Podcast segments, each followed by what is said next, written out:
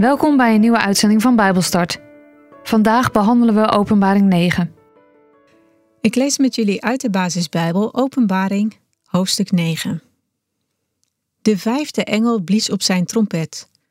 Toen zag ik een ster die uit de hemel op de aarde was gevallen. De ster kreeg de sleutel van de bodemloze put. Hij deed de bodemloze put open. Er kwam dikke rook uit, als uit een grote oven. De zon en de hemel werden verduisterd door de rook uit de put. Uit de rook kwamen sprinkhanen tevoorschijn op de aarde. Ze waren net zo gevaarlijk als schorpioenen. En er werd tegen hen gezegd dat ze niet mochten eten van het gras, de struiken en de bomen. Ze mochten alleen de mensen kwaad doen die niet het stempel van God op hun voorhoofd hadden. Maar ze mochten hen niet doden.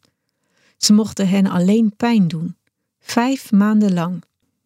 En de pijn was zo erg als de steek van een schorpioen. In die tijd zullen de mensen naar de dood verlangen, maar de dood blijft bij hen vandaan. De sprinkhanen leken op paarden die klaarstaan voor de strijd. Op hun kop hadden ze iets wat op een gouden kroon leek. Hun gezicht leek op een mensengezicht. Ze hadden haar dat op vrouwenhaar leek. En ze hadden leeuwentanden. Hun borstschild was zo sterk als een ijzeren harnas. Het geluid van hun vleugels leek op het dreunen van grote aantallen strijdwagens met veel paarden ervoor die op weg zijn naar de strijd. Hun staart leek op de staart van een schorpioen, met een angel erin. Met hun staart konden ze de mensen kwaad doen, vijf maanden lang. Hun koning was de engel van de bodemloze put, in het Hebreeuws heet hij Abaddon. In het Grieks heet hij Apollyon. De eerste ramp van de laatste drie rampen is nu geweest. Let op, er komen nog twee rampen. De zesde engel blies op zijn trompet. Toen hoorde ik een stem komen uit de vier horens van het gouden altaar dat voor God staat. Die stem zei tegen de zesde engel met de trompet: Laat de vier engelen los die bij de grote rivier de Eufraat gevangen worden gehouden. En de vier engelen die speciaal voor dat moment, op die dag van die maand en van dat jaar gevangen waren gehouden, werden losgelaten. Ze mochten een derde deel van de mensen doden. Ze hadden een leger van 200 miljoen ruiters bij zich. Dat aantal werd tegen mij gezegd. Ik zag hoe de paarden en de ruiters eruit zagen.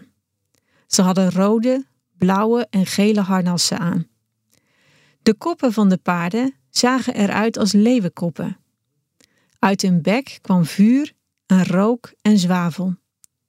Door dat vuur, de rook en de zwavel werd een derde deel van de mensen gedood.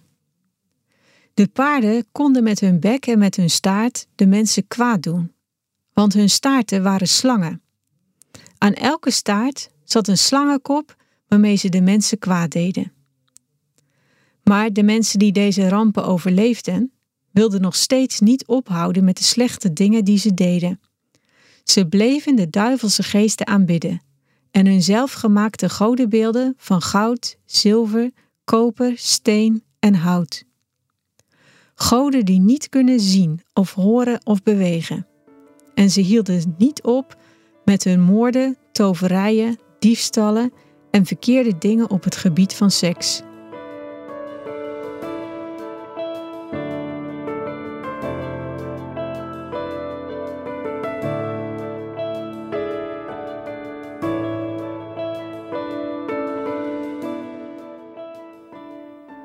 In de vorige uitzending hebben we het gehad over de eerste vier trompetten die geblazen werden en de effecten die dat had. In hoofdstuk 6 ging het over verschillende ruiters met verschillende kleuren paarden en de gevolgen waren op menselijk gebied, namelijk oorlog, honger, ziekte en dood. In hoofdstuk 8 zijn de eerste vier trompetten geblazen en die gevolgen waren vooral op aarde merkbaar in de natuur. En ook de volgende trompetten die geblazen worden, hebben gevolgen voor de aarde. Nadat de engel drie keer heeft uitgesproken hoe vreselijk de tijd zal worden voor de mensen op aarde als de laatste drie trompetten geblazen worden, blaast de vijfde engel zijn trompet. Het oordeel van God over deze afgedwaalde wereld is begonnen en gaat door.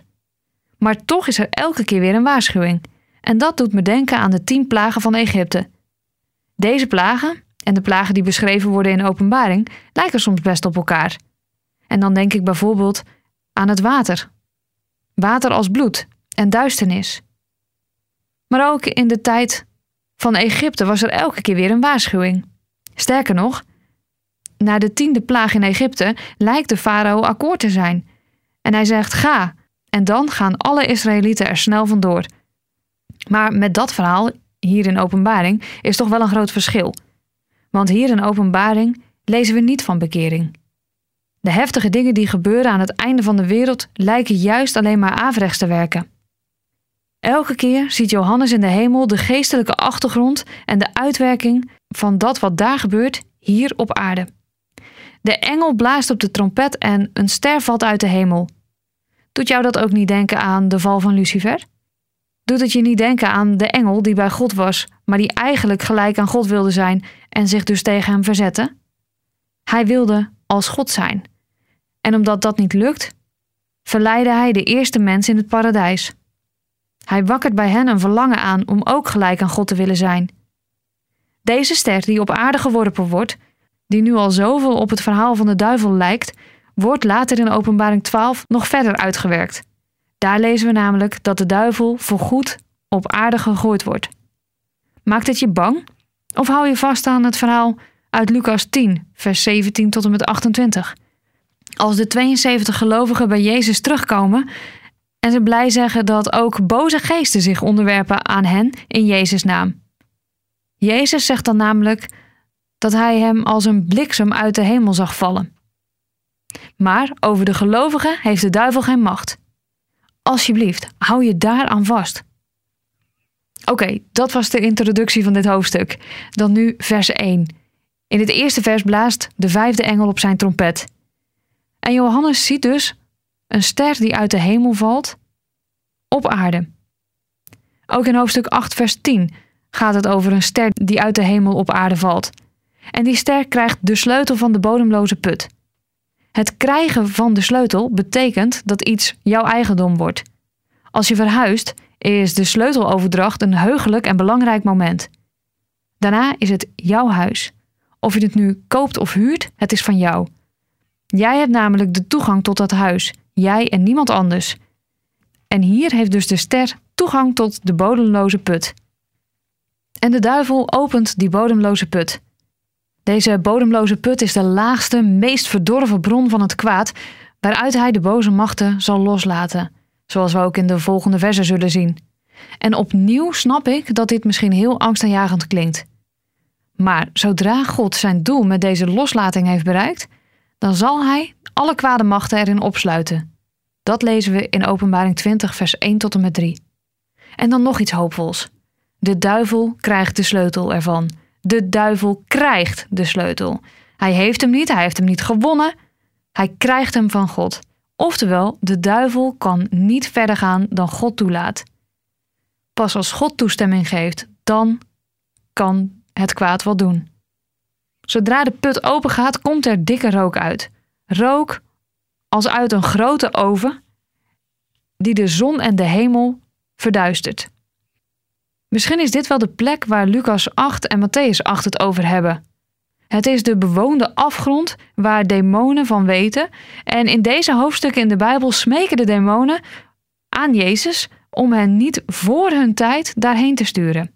Met de nadruk dus op voor. Blijkbaar wisten ze dat er een tijd zou komen dat zij in die afgrond zouden gaan wonen. Het is de plek waar gevallen engelen wonen, tot het laatste oordeel. En het is ook de plek waar het beest uitkomt. Dat lezen we in Openbaring 11 en Openbaring 17. Het is dezelfde bodemloze put waarin de engel straks de draak, de oude slang, zal gooien om daar duizend jaar te verblijven. Die draak en die oude slang staan voor de duivel en voor Satan. Maar zodra dus die bodemloze put, de put van de afgrond, geopend wordt, heeft dat een verschrikkelijke uitwerking op aarde en de zon en de hemel worden erdoor verduisterd. Naast dat de openbaring van Jezus laat zien welke grote macht en heerlijkheid Jezus bevat, laat Openbaring ook zien welke ongerechtigheid en duistere krachten er in de onderwereld zitten. En doordat de ster de bodemloze put opent, is de afscheiding tussen de mensenwereld en de geestelijke wereld voorbij. In de middeleeuwen werd verkondigd dat die geestelijke wereld een mythe was. En ook door de komst van wetenschappelijke onderzoeken of die geestelijke wereld wel of niet te verklaren was, is die opvatting dat die geestelijke wereld een mythe is, uitgegroeid tot een soort geloof. Het is zelfs in sommige kerken zo binnengedrongen dat ook kerken niet meer geloven in een geestelijke wereld. En op zich, als ik er lang over nadenk, dan snap ik misschien wel hoe dat kan. Want het is iets ongrijpbaars. Het is iets wat bang maakt. En ik begrijp wel dat sommige kerken dat dus graag buiten de deur willen houden. Maar is het niet Gods bedoeling om kennis te krijgen zodat we ons kunnen wapenen? En beetje bij beetje zie je dat het geloof in die geestelijke wereld weer terugkomt. De paranormale verschijnselen worden steeds serieuzer genomen en er wordt diepgaand onderzoek gedaan in natuurwetenschap. Indische magiërs worden massaal bezocht en mensen houden zich massaal bezig met occulte activiteiten. En het enge is, de duivel gebruikt altijd mensen om zijn plan te doen laten slagen. Je leest het bijvoorbeeld in Johannes 13 en Lucas 22. Daar lees je over dat de duivel in Judas kwam. Kijk naar de meest gruwelijke oorlogen. Het kan toch niet zo zijn dat mensen van zichzelf zo verschrikkelijk slecht zijn? En meer en meer mensen zien dat er achter deze vele gruwelijkheden het kwaad zit wat uitgevoerd wordt door mensen. Kijk naar de meest gruwelijke oorlogen. Het kan toch niet zo zijn dat mensen van zichzelf zo verschrikkelijk slecht zijn? En meer en meer mensen zien in dat achter heel veel gruwelijkheden het kwaad zit wat uitgevoerd wordt door mensen. En opnieuw, ik wil je daar dus niet bang voor maken, maar het is opnieuw een bewustmaken van het feit dat sommige dingen gewoon zo zijn. Het is een zware zwarte rook die uit de put komt. Hij is dik. En daardoor worden de zon en de hemel verduisterd. Naast het licht neemt dus de rook ook de warmte weg, namelijk de zon. En het zorgt ervoor dat de hemel verduisterd wordt. En daarmee wordt het automatisch ook duister op de aarde. Want als de zon weggenomen wordt, dan is het donker op aarde. Dat het niet om gewone rook gaat, is ook te zien in het vervolg. Uit de rook komen sprinkhanen tevoorschijn op aarde. Sprinkhanen komen ook voor in Exodus 10. En ook in Joel 1. Sprinkhanen vernietigen alles wat ze tegenkomen. En is dat nou niet een typisch beeld van het kwaad? Die vernietigt toch ook alles wat goed en mooi is? Deze sprinkhanen zijn net zo gevaarlijk als schorpioenen. Er is alleen één groot verschil met gewone sprinkhanen. Tegen deze sprinkhanen wordt gezegd dat ze niet mogen eten van het gras, struiken en de bomen. Ze mochten alleen de mensen kwaad doen die de stempel van God niet op hun voorhoofd hebben. Ze mogen deze mensen niet doden, maar ze mogen hen alleen vijf maanden lang pijn doen. En die pijn was net zo erg als een steek van een schorpioen. En misschien moest jij er ook wel aan denken toen je dat stukje uit de Bijbellezing hoorde en je hoorde dat het over sprinkhanen ging. Moest jij toen ook denken aan die sprinkhanenplaag waar we de laatste jaren ook veel van gehoord hebben? Heel veel mensen zeggen naar aanleiding van die nieuwsberichten: hey, maar dit staat in openbaring. Dus daarom weten we dat we nu op dit en dit punt van uh, openbaring zijn. Maar deze sprinkhanenplaag, waar wij nu van lezen, die uitzicht niet tegen de gewassen, maar die uitzicht tegen mensen. En de sprinkhanenplaag waar we over horen in het nieuws, die uitzicht dus wel tegen de gewassen en niet zozeer tegen mensen. Deze sprinkhanen zijn allesbehalve prettig, want ze steken als een steek van een schorpioen. Nou, zo'n steek is enorm pijnlijk, maar niet dodelijk. En omdat de pijn zo heftig zal zijn, zullen de mensen verlangen naar de dood. En toch zullen ze niet doodgaan en blijven ze dus met die verschrikkelijke pijn zitten, vijf maanden lang. Opnieuw zien we dat God het kwaad, of de dingen die door het kwaad gebruikt worden, zoals hier de sprinkhanen, vertelt wat ze mogen doen. Ze worden beperkingen opgelegd en daar luisteren ze naar. En behalve de beperking van het terrein waar ze hun macht over mogen laten gelden, krijgen ze ook een beperking mee qua tijdsduur. De pijn is hevig, maar duurt betrekkelijk kort. Nou ja, nu zeg ik heel bewust betrekkelijk, want ik weet niet of je wel eens langdurig pijn hebt gehad. Maar als dat zo is geweest, dan weet je hoe lang een dag kan duren met die bewuste pijn. Ik had aan het einde van 2012 zo ontzettend veel pijn dat ik het hoogste level aan morfinedrank moest nemen en tegelijkertijd ook heel veel prednison moest hebben en zenuwpijnstillers. Om, nou ja, daar zou je eigenlijk een, een groot paard mee plat kunnen leggen om maar de pijn een beetje draaglijk te maken. En hoewel ik een behoorlijk hoge pijngrens heb, na 18 jaar pijn was ik al moe voordat de dag begon. Er leek geen einde aan te komen. En dus kan ik me voorstellen dat iemand die gestoken werd door zo'n springkaan en zo'n gruwelijk veel pijn had, dag in dag uit, ook niet wist hoe lang hij of zij het zou volhouden. Wat heel bijzonder is, is dat de pijn net zo lang zal aanhouden als hoe lang de gemiddelde springkaan leeft, namelijk vijf maanden. Overigens, als ik dit lijstje lees, en nogmaals, ik ben een echte beelddenker, dus ik zie dit dan voor me, dan zijn ze wel bijzonder. Ze zijn heel erg gedetailleerd opgeschreven. Springkanen die niets van aarde mogen aantasten en alleen mensen mogen kwaad doen. Ze lijken op paarden, hebben op hun kop iets wat lijkt op een gouden kroon. Hun gezicht lijkt op dat van een mens. Ze hebben haar dat op vrouwenhaar lijkt. Hun tanden zien eruit als leeuwentanden. Ze hebben een borstgeeld dat net zo sterk is als een ijzeren hammas. En hun staart lijkt op die van een schorpioen met angel. En met die staart doen ze dus de mensen pijn en kwaad voor vijf maanden. En opnieuw zien we hier toch weer iets van Gods trouw en Gods genade. En het lijkt natuurlijk super tegenstrijdig, dat snap ik ook wel. Maar tegelijkertijd duurt de pijn maar vijf maanden en niet tot in eeuwigheid. Opnieuw geeft God de mensen kans om wel het zegel te ontvangen als kind van God. Helaas zijn het maar een paar mensen die dat zullen doen. Het feit dat de meeste mensen die kans op Gods genade niet aangrijpen, laat wel zien hoe erg verhard de mens is. Want hoe ontzettend pijnlijk die steek van de springkaan ook is, de mens denkt er niet aan om naar God toe te gaan en om hem om genade te smeken. Het gaat om helse pijnen. En ik zei het al, een prik van een schorpioen schijnt gigantisch zeer te doen. Jezus heeft helse pijnen gedragen. Hij heeft ook de pijn van de schorpioen al gedragen. Ook voor jou, als je in hem gelooft.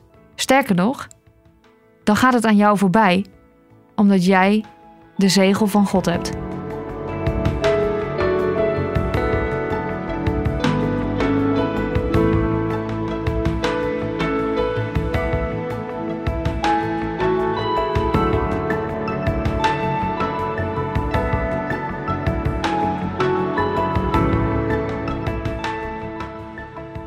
Dit was Bijbelstart, een programma van TWR. Het is gebaseerd op het Amerikaanse programma Through the Bible, ook wel TTB genoemd.